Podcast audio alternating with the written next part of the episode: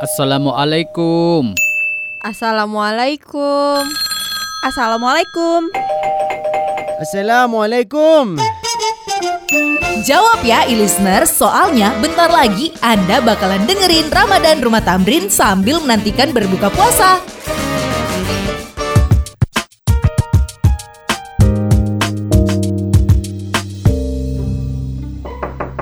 Wih, wih Mojo.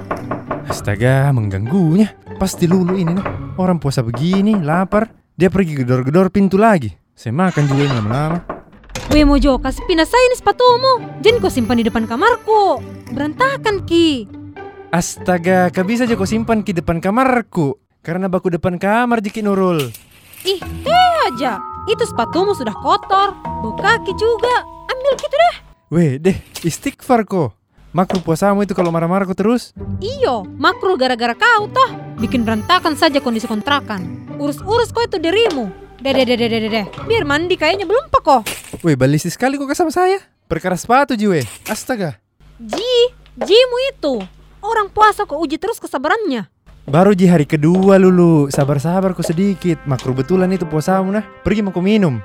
Ah, dak di rumah, dak di kampus, dak di kantor. Pakbalnya semua orang. Eh, deh, deh. Panasnya lagi nih hari. Weh, ku kasih tahu kau nah. Dengar kau baik-baik. Ada hadis pernah berkata, Weh Mojo, jangan kau ambil Ki bagiannya Zaka itu.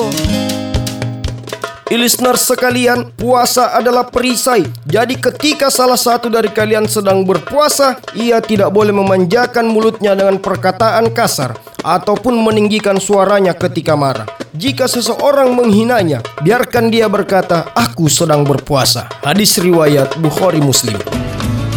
Kami dari Rumah Tamrin mengucapkan selamat menunaikan ibadah puasa.